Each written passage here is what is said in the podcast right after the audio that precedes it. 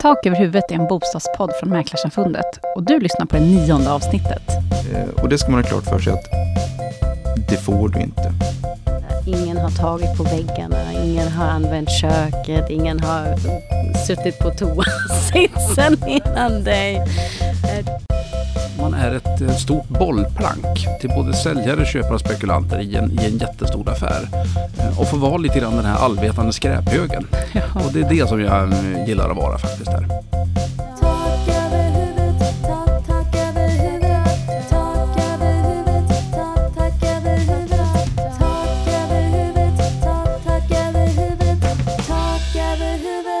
Jag heter Josefin Uppling och jag är analys och kommunikationschef på Mäklarsamfundet. Veckans tema det är nyproduktion. Eh, Och i Konsumentkollen så ska vi få träffa Mäklarsamfundets alldeles nya kundombudsman Magnus Bäckström. I Fråga Juristen kommer förbundsjurist Fredrik Almo att prata om fel i bostadsrätt. Nu kör vi igång! I dagens avsnitt ska vi prata om vad man ska tänka på vid köp av nyproduktion. Och jag sitter här med Mäklarsamfundets VD och Hemnets ordförande Ingrid Eiken. Hejsan! Hur är läget? Det är jättebra och det känns som en otroligt viktig fråga att eh, prata om, tycker jag, just eh, nyproduktion. Ja, vi vet att det finns ju, eftersom att det är liksom en ganska lång process oftast, från Ja. att man bestämmer sig till att man flyttar in. Det kan ju ta flera år ibland. Ja, och vi eh, har ju haft runda bordsamtal och samlat branschen vid ett par tillfällen nu och prata ny, för att prata nyproduktion. Och, vi märker att det är, ett, det är ett väldigt stort intresse här och viktigt att få ut mer information. Absolut. Eh, vi ska ju... Eh, vi ska ju titta på det här utifrån två olika perspektiv. Dels från ett konsumentperspektiv såklart, då, för att man som potentiell köpare ska känna sig trygg, men också delvis lite ur ett mäklarperspektiv, vad man ska tänka på om man ska ge sig in och sälja i det nyproducerade beståndet. Mm. Eh, vad ska man tänka på som konsument om man går i köptankar och är sugen på något nybyggt? Alltså, jag tycker man ska se till att eh, eh, om man ska köpa av ett byggbolag som anlitar mäklare, det skulle jag säga är, är viktigt. Eh, om man eh, köper via en mäklare så har man automatiskt ett, eh, ett bra eller bättre konsumentskydd än, eh, än om man inte gör det. Och eh, eh, Anlitar man en mäklare så finns också en person med erfarenhet och dokumenterad kunskap och universitetsutbildning eh, som fungerar som mellanman i den här affären. Och, eh, Eh, visst finns det duktiga säljare också, men det går inte att jämföra med den erfarenhet som mäklare som är specialiserad på just nyproduktion kan eh, föra in i affären. Och det tycker jag är ett skydd för mig som konsument. Och om man vänder på steken då, om man som mäklare är sugen på att börja förmedla nyproduktion, vad ska man eh, tänka på då, eller hur ska man gå tillväga? Ja, att se till att man har den senaste kunskapen är, är ju jätteviktigt. Vi vet att eh, förmedlingen av nyproduktion nästan är en egen eh, profession jämfört med förmedling i, i det befintliga beståndet. Och det är också därför som vi rekommenderar konsumenter att köpa med hjälp av mäklare. Och som mäklare så tycker jag att då kan du exempelvis gå på kurs i nyproduktion här hos oss på Mäklarsamfundet för att få en genuin, genuin bas att utgå ifrån. Eh, och ehm, eh, det är bara att gå in på vår hemsida och titta så kan man hitta information om våra utbildningar www.maklarsamfundet.se och eh, man måste ju trycka på här att kontinuerlig vidareutbildning är faktiskt väldigt viktigt, både för den enskilde fastighetsmäklaren och för konsumenten. För att här är man ju uppdaterad i vad som eh, sker när det gäller de olika reglerna, för här sker hela tiden en utveckling. Så det är viktigt att följa med här och vidareutbilda sig. Tack så mycket Ingrid. Tackar! Veckans tema i Tak över huvudet, det är nyproduktion. Och eh, till min hjälp så har jag två riktiga experter här på det här eh, ämnet och det är Lea Kaufman och Magnus Kågström. Välkomna hit! Hej! Hej! Kul att ni kunde komma hit med ganska kort varsel och hjälpa oss att reda ut ett och annat om nyproduktion. Tack, tack. Tack för inbjudan. Ja, ni får börja med att presentera er själva. Vi börjar med dig Magnus. Ja, jag heter Magnus Kågström och jobbar för Sveriges, eh, nej, jag är delägare i Sveriges största eh, firma som jobbar med, enbart med nyproduktion. Ja, Ja, det är inte illa. Hur länge har du hållit på med det här? Eh, ja, allt för länge. Jag kan väl säga hur länge de andra har jobbat. Eh, de som arbetar hos mig har jobbat någonstans mellan 10 till 30 år. Oj, det är ett erfaret gäng med andra ord. Ja, de är jätteduktiga. Mm. Lea, hur länge har du varit i den här svängen och vad gör du på firman? Jag jobbar med allting som rör marknadsföring, både online och offline, alltså digitala och print. Ehm, och eh, det har ju blivit väldigt viktigt i, i mäklarsfären och eh, nu också i nyproduktionsvärlden. Ehm, jag har jobbat med bostäder i ungefär fem år. Vad spännande då. Vad är det som är det allra, allra roligaste med att jobba med just nyproduktion, Magnus? Hur kom det sig att det blev det? Ja, det är väl att man kan påverka eh, ganska mycket och man, kan, man ser också hur eh, stadsdelar växer fram och det, det känns som man är delaktig i samhället. Lea, vad säger du då? Hur hamnade Ja. du med, och började jobba med det här?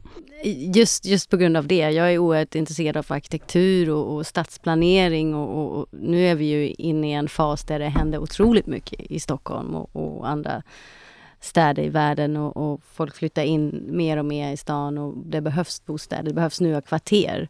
Och då kan vi vara med och forma dem och det är en väldigt intressant aspekt. Finns det några utmaningar och vad är de stora utmaningarna när man jobbar med nyproduktion?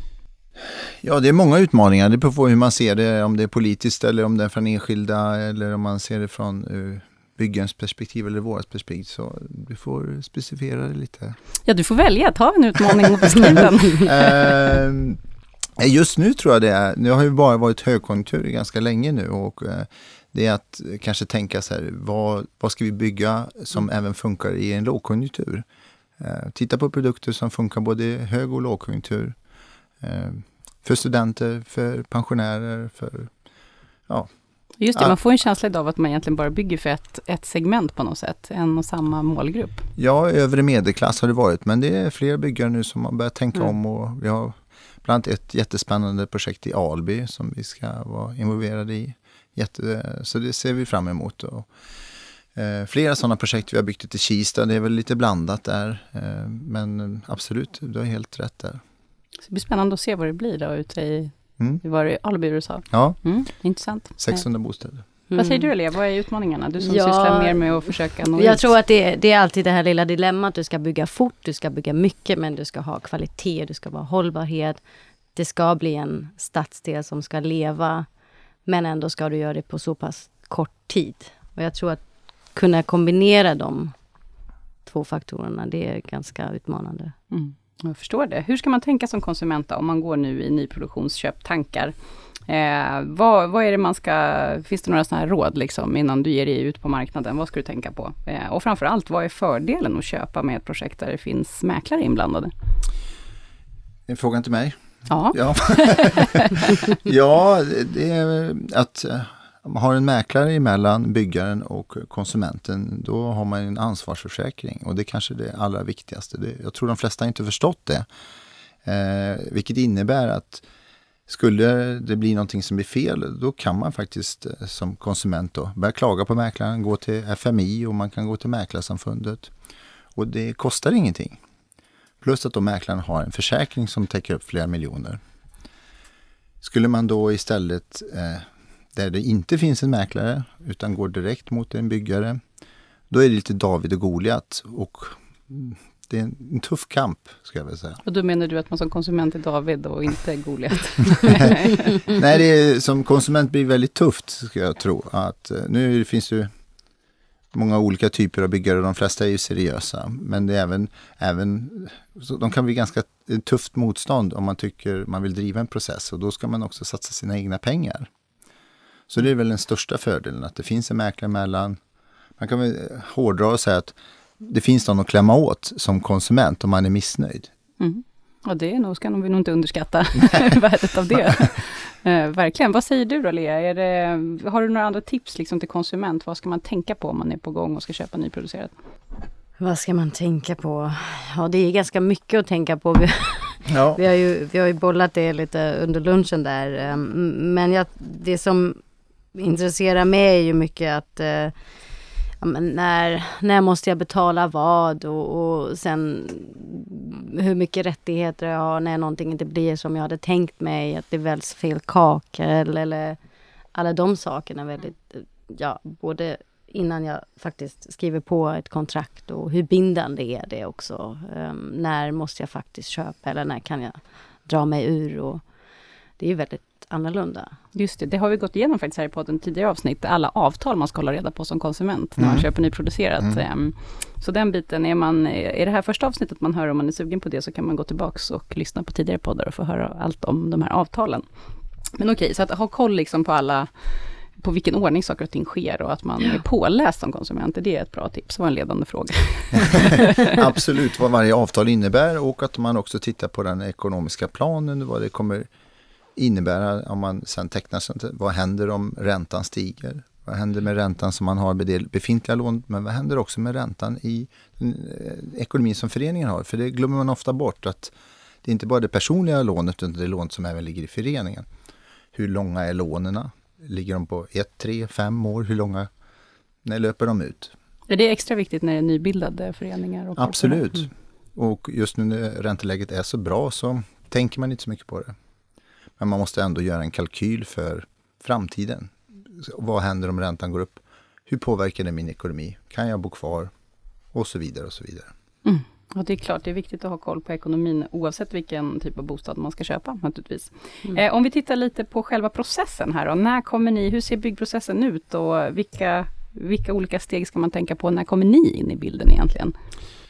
Om man utgår från eh, där vi vill komma in, om man säger så, så är det gärna att vi är med så tidigt som möjligt så vi kan vara med och hjälpa till med utformningen, planlösningarna och titta på prissättningen, eh, vilken produkt är man tidigt med i skedet och man kan jobba ihop med arkitekten och projektledare och sådär så kan man ta fram rätt produkt eh, i rätt område. Mm.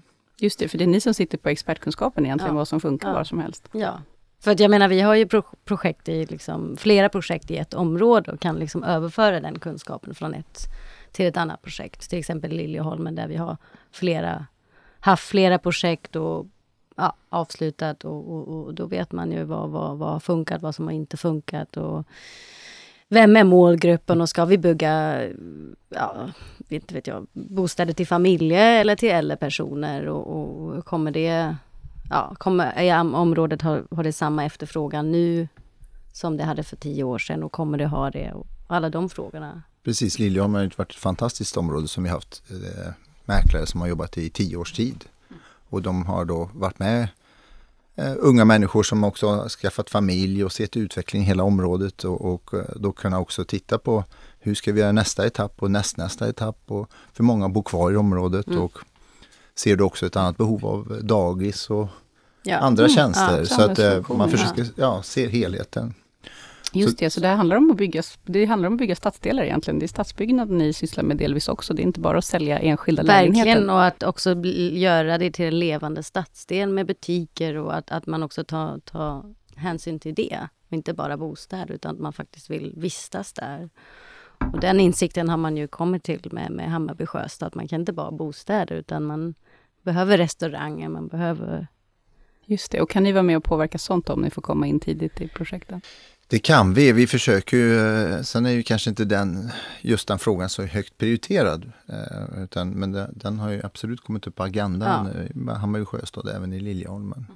Men det, det är väl mest erfarenhet vi tar med från ena projektet till nästa projekt och nästa projekt. Att man då tar med sig det och vad efterfrågan är på. Ja, man, tidigt var det kanske små bostäder och sen plötsligt blir det treor och fyror och femmor. Och, Mm. Ni Mm. kan fånga upp det där. Ja, och då funkar det även för att folk kommer även flytta även om det blir lågkonjunktur. Mm. Det är ju så faktiskt. man måste ju ha någonstans Man att bo. ju, precis, Man måste ha någonstans att bo. Hur funkar det här med bostadsrättsföreningen då? För det här tror jag, den här frågan får vi ofta av konsumenter som ska köpa nyproducerat. Vem är det jag köper av? Är det av byggbolaget? Jaha, och så är det någon mäklare emellan och sen så den här bostadsrättsföreningen, när kommer den? Hur funkar det här om man ska försöka liksom beskriva det på ett begripligt sätt? Magnus. Bra fråga. ja, men alltså, det viktiga är, det är att man ser när man väl tecknar sig för ett bindande avtal, vem är motparten? Och då är det motparten eh, bostadsrättsföreningen och det är den ju bildad naturligtvis. Och eh, det man måste se då det är att det är att man har fått tillstånd av Bolagsverket eh, för att upplåta. Eh, och då är man ganska säker för då har de också ställt kanske en bankgaranti och då kan man också få tillbaka sina pengar.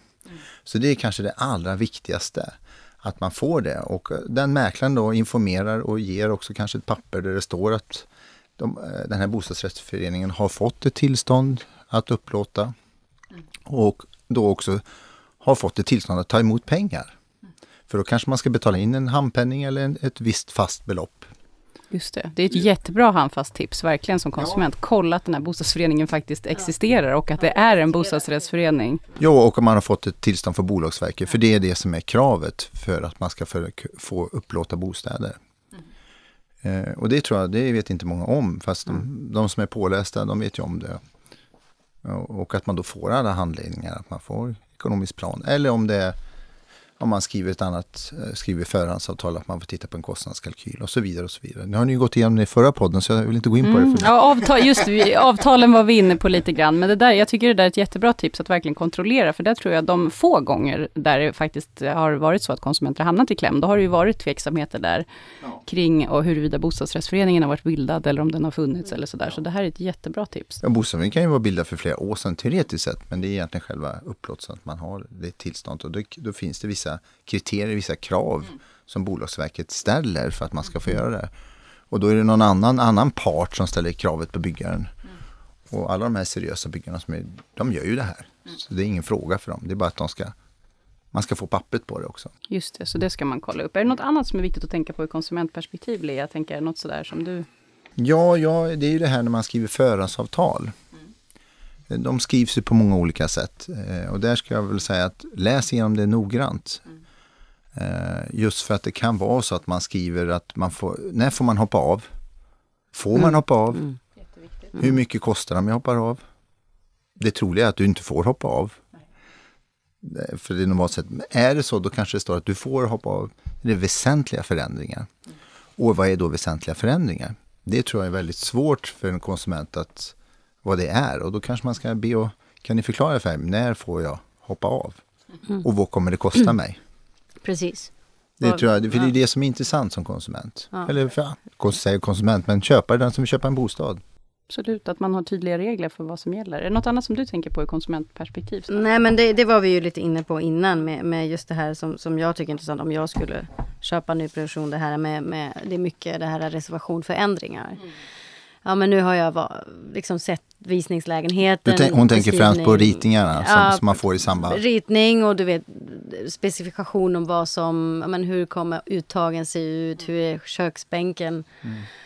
Och sen kanske det alltid står bakom reservation, med reservationer. För Ja, Just det, hur stora ändringar får man göra som byggare utan att det är oändligt? Bra Det vågar vi inte svara på den frågan. Ja, för jag, och sen när får man kanske dra sig ur då köpet om man har skrivit på ett kontrakt och sen ett år senare är det klart om man flyttar in och man Oj, Det ser inte alls ut det är som inte så alls som jag trodde och elementen, är, listorna, uttagen, allting är annorlunda. An, kranen, ja, rubbet. Får jag, ja, Vad får man göra då? då? Går det? kan jag göra någonting och hur så? Det är väl viktigt också att man, man följer med den här processen när man, det beror på vad man köper. Man köper man i tidigt skede så normalt sett så har ju byggaren en process och skickar ut information, att man läser om breven och så, vad, vad har hänt och vad, sker det några förändringar i projektet. Så det, och då är det också bra om man har en mäklare som håller en i handen från start till mål och ställa krav. Jag, får, jag vill ha information. När kommer nästa informationsmöte? När kommer det? Eh, vanligtvis kanske man har något möte på bygget eller, eller man får se eh, en, eh, ja, vissa, när vissa bitar är färdigbyggda. När stommen är byggd kanske. Och passa på att ställa frågor då. Och gärna och ibland mejla frågor. Exakt, så hellre, fler, hellre för många frågor än för få här. Det finns inga dumma frågor. Så. Nej, och sen är det ju så att men, när man väl skriver avtalet, det är väl då det är viktigast. Att Läs. man då får all information, Ja. man får en Ja. objektsbeskrivning, man får en, en ekonomisk plan, man får ett, eh, ett sånt här avtal, alltså tillåts att- upplåta. Att man får den och sen har man en genomgång. Har man en genomgång på 10 minuter, då kan jag säga, då har man inte gått igenom det.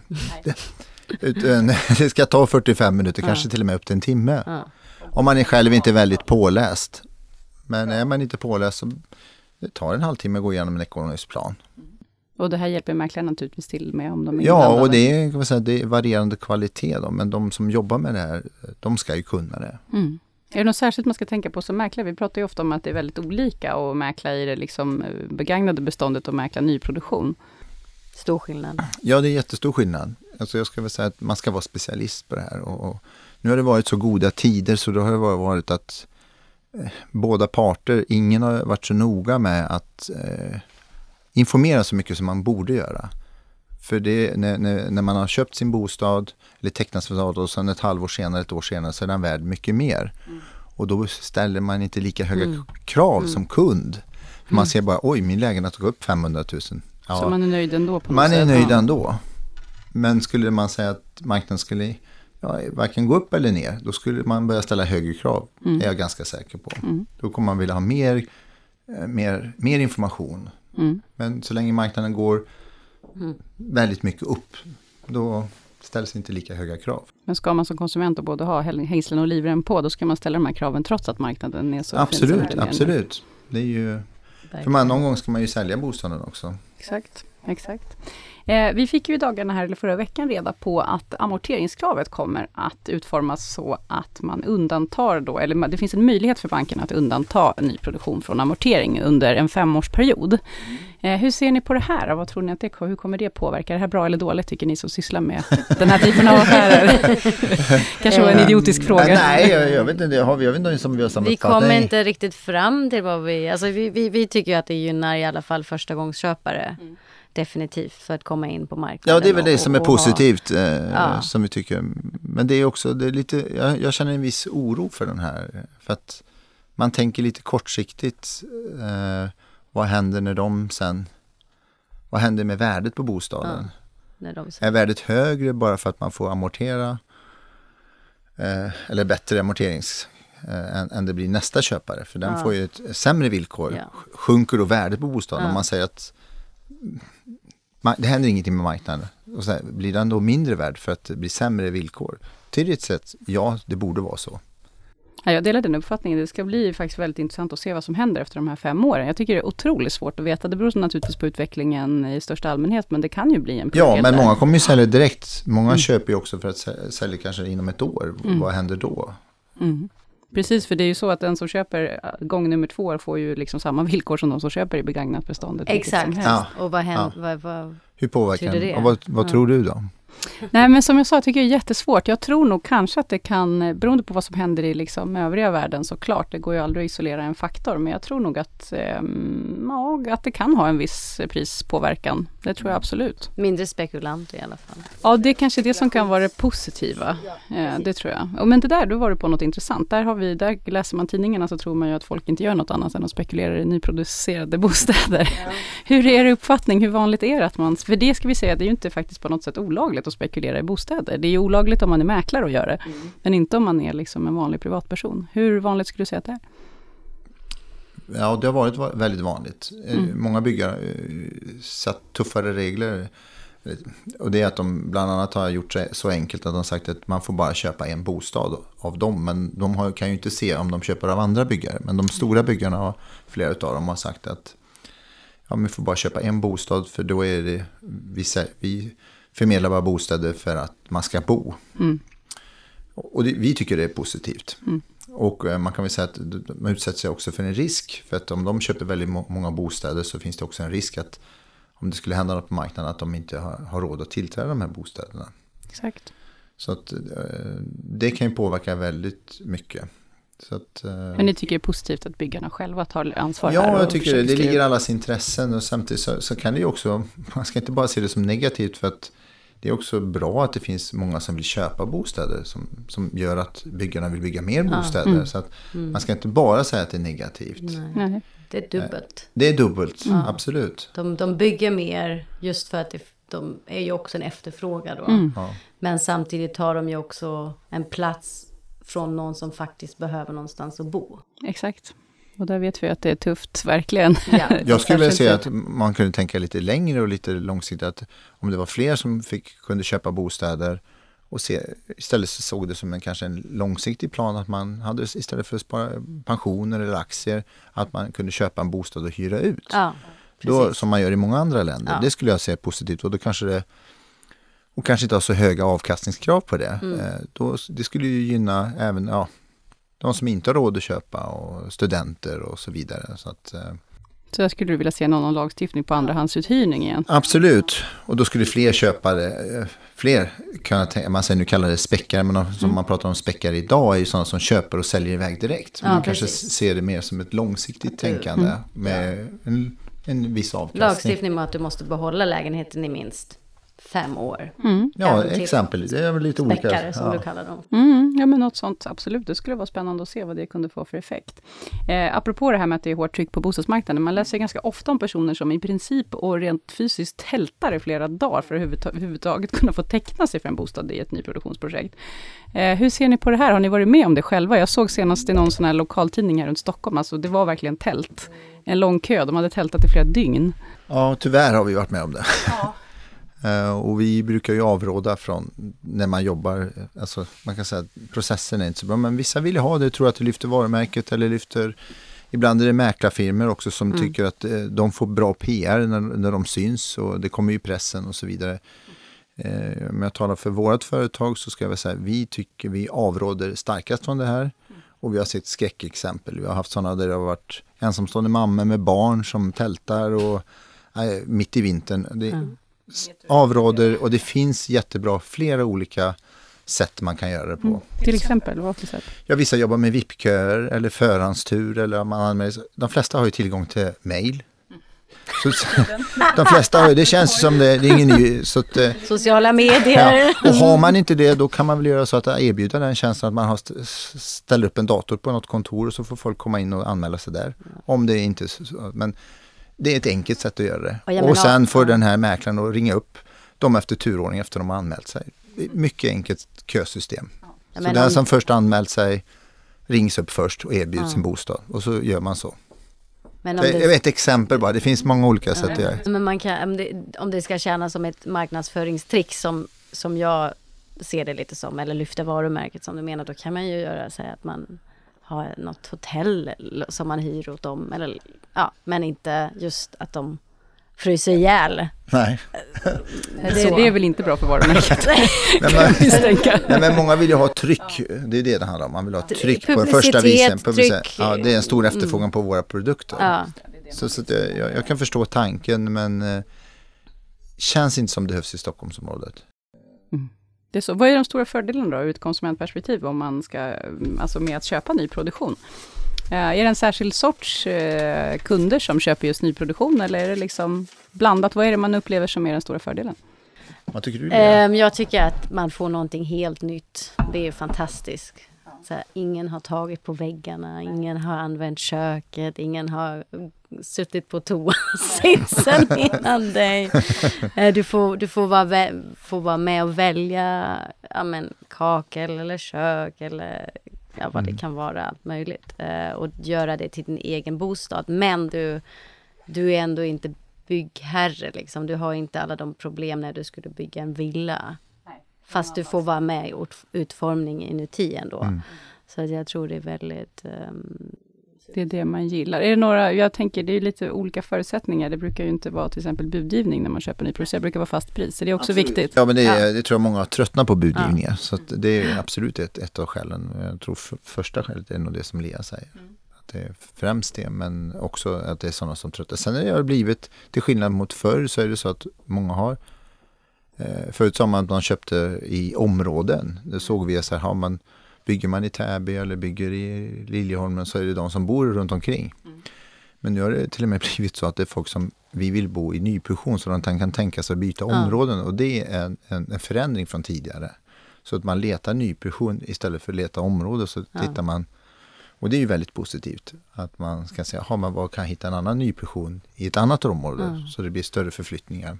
För även liksom arkitekturen har ju blivit lite mer ambitiös nu. Alltså det, det ser vi också att det blivit en förändring där. Och då är man ju mer beredd att flytta från Ja, man, Vasastan till Liljeholmen kanske.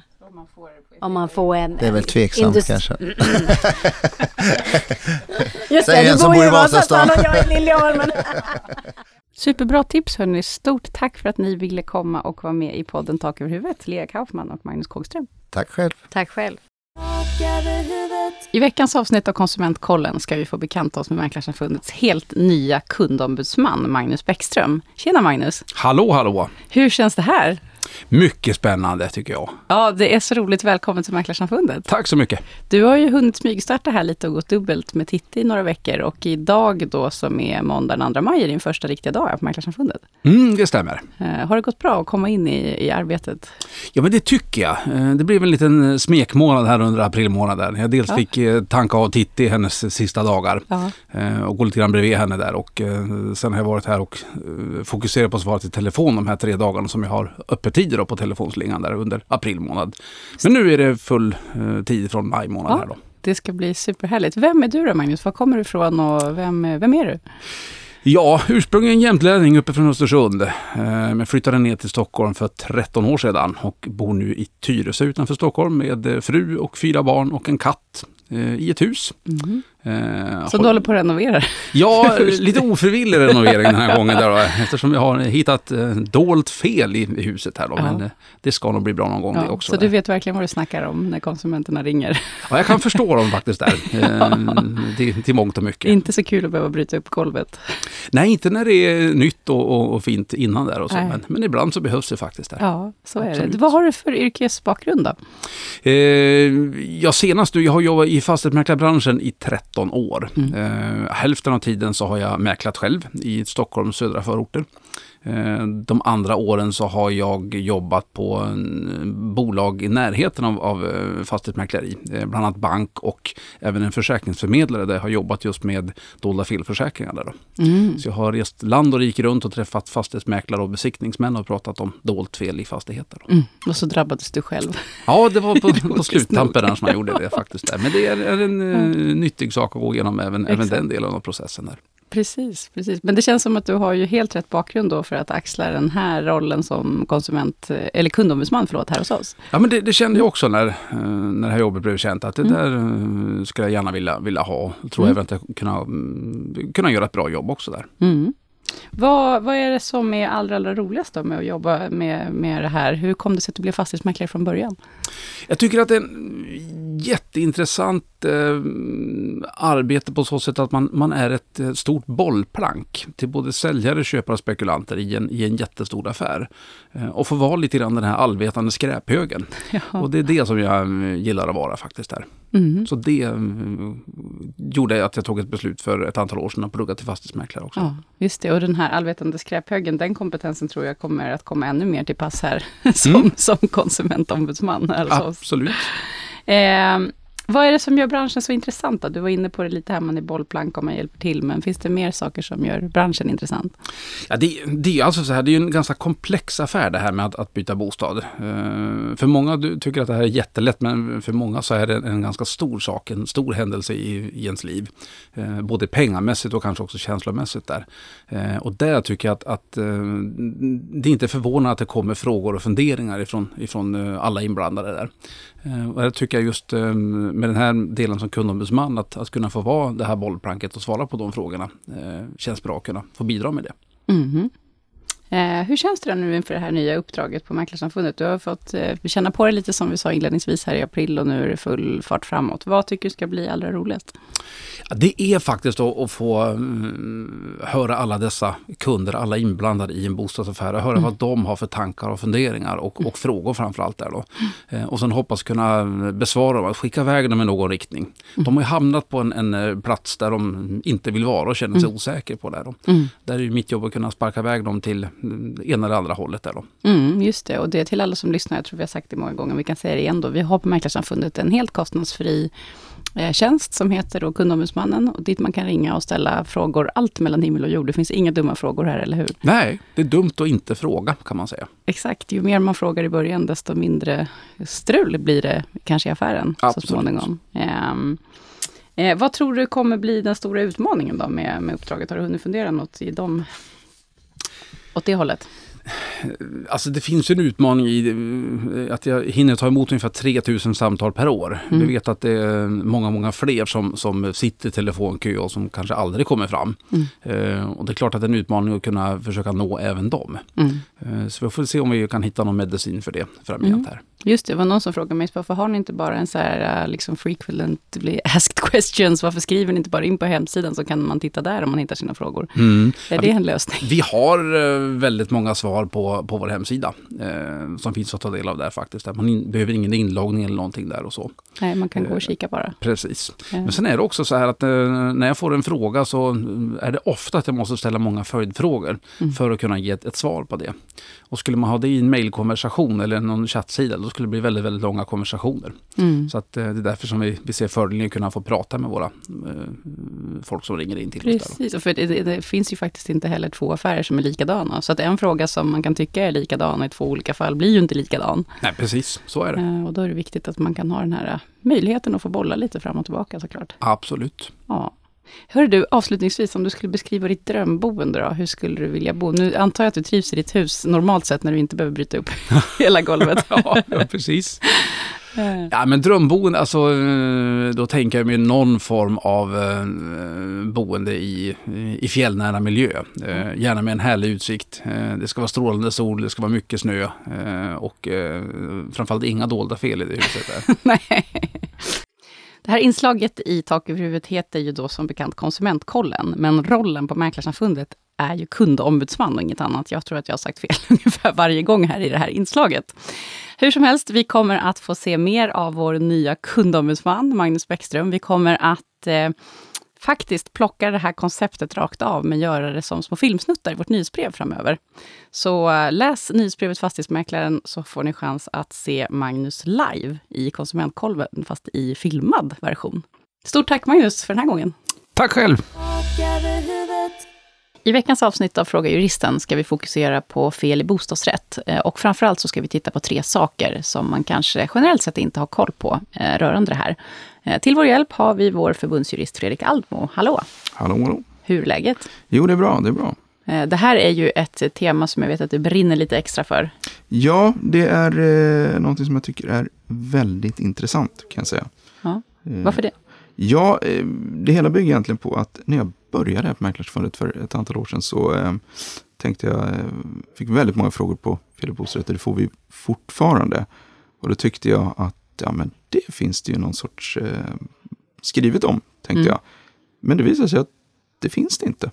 Nej, men det har du löst nu. Ja, det har jag eh, löst genom att sammanställa en, eh, ett litet, ja, bok är väl kanske lite att ta i. Nej, men ett rejält kompen- kompendium i Ja, alla är ett fall. Ja. kompendium med lite information om fel och bostadsrätt, genomgång av praxis och, och sådana saker. Just det, och det kommer vi inom kort att lägga ut på vår sajt, mäklarsamfundet.se. Precis, eh, det kommer att komma ut eh, om allt går väl i slutet av maj någonting, skulle Mm. jag tro.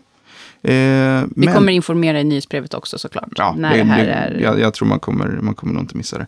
Eh, men jag kan säga att redan nu så har jag sammanställt en liten light-version av det där som också ligger på vår eh, hemsida. Mm. Där man kan eh, ta del av som heter Fel i bostadsrätt i praktiken. Och det är egentligen genomgång av, av domar och, och liknande för att se vad händer då om Mm. man tvistar. Intressant, verkligen. Vi fokuserar nu då på tre. Det finns ju en massa allmänt hållna eh, saker när man tänker på fel i bostadsrätt. Allt ifrån undersökningsplikt till eh, ja, vad som är liksom säljaren och köparens ansvar här.